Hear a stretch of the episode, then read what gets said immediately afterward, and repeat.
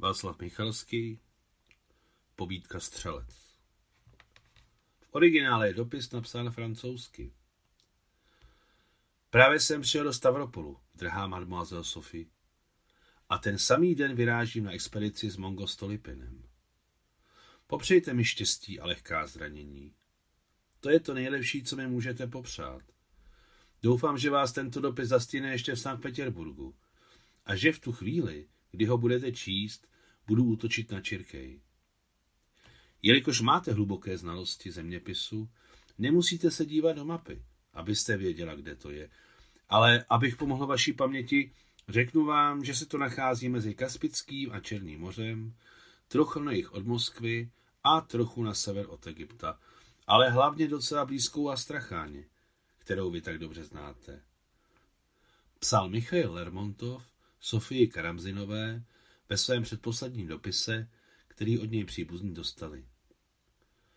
Přečetl jsem si ho večer, při zacházejícím červencovém slunci, mezi pustými šedými skalami, když jsem seděl na teplém břidlicovém kameni v Čirkeji, lépe řečeno v místě, kde byl ještě nedávno tento dagestánský aul. Nyní to je vodní elektrárna. Přehradili hrází kanion Sudaku a udělali vodní nádrž.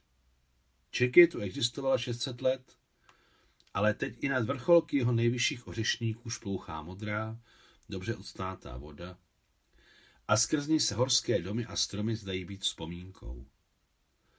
Zavírám knihu. Vybavuje se mi z dětství vzrušující vůně konského hnoje na příkrých kamenitých uličkách a večerní muezinův akbar.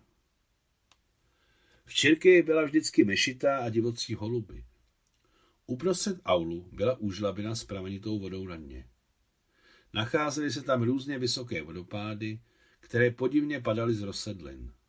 Jakoby z rozsedlin, z křišťálově zvonící výpustě božské vláhy, rychle vylétaly divocí holuby, kteří stříhali ostrými kříly průzračný opar vodní třiště a světla. Lermontov útočil na Čirkej. To je tak divné.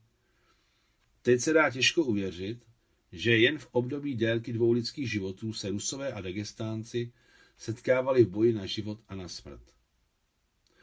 Ale ještě nedávno byla v aulu stařena, která žila již druhé století. Ona z dlouhého života tak vyschla, že se vešla do velké kolébky a narostly mléčné zuby. On tolik toužil po lehkém zranění, kterému pomůže dostat se domů. Stále se v dopisech ptal, no, jak je to s mým propuštěním, snažte se. Útočil na Čirkej. Co mohl dělat? A nenašel se nikdo, kdo by ho lehce postřelil a poslal na penzi. Je dobře známo, že tehdy v Čirky žil takový střelec, že zabodával ve vzdálenosti 30 kroků kinžál ostřím nahoru, věšel na něj misky vach, střílel a do každé misky spadla půlka kulky. Bože, co by ho to stálo poslat na penzi malinkého malorusa v těsné uniformě, co lezl beze strachu do samotného pekla? A tak. Tak by dopadlo všechno stejně. Stařena by se dožila mléčných zubů, velký střelec by zemřel s boudilou kulkou do žaludku a voda by zatopila aul.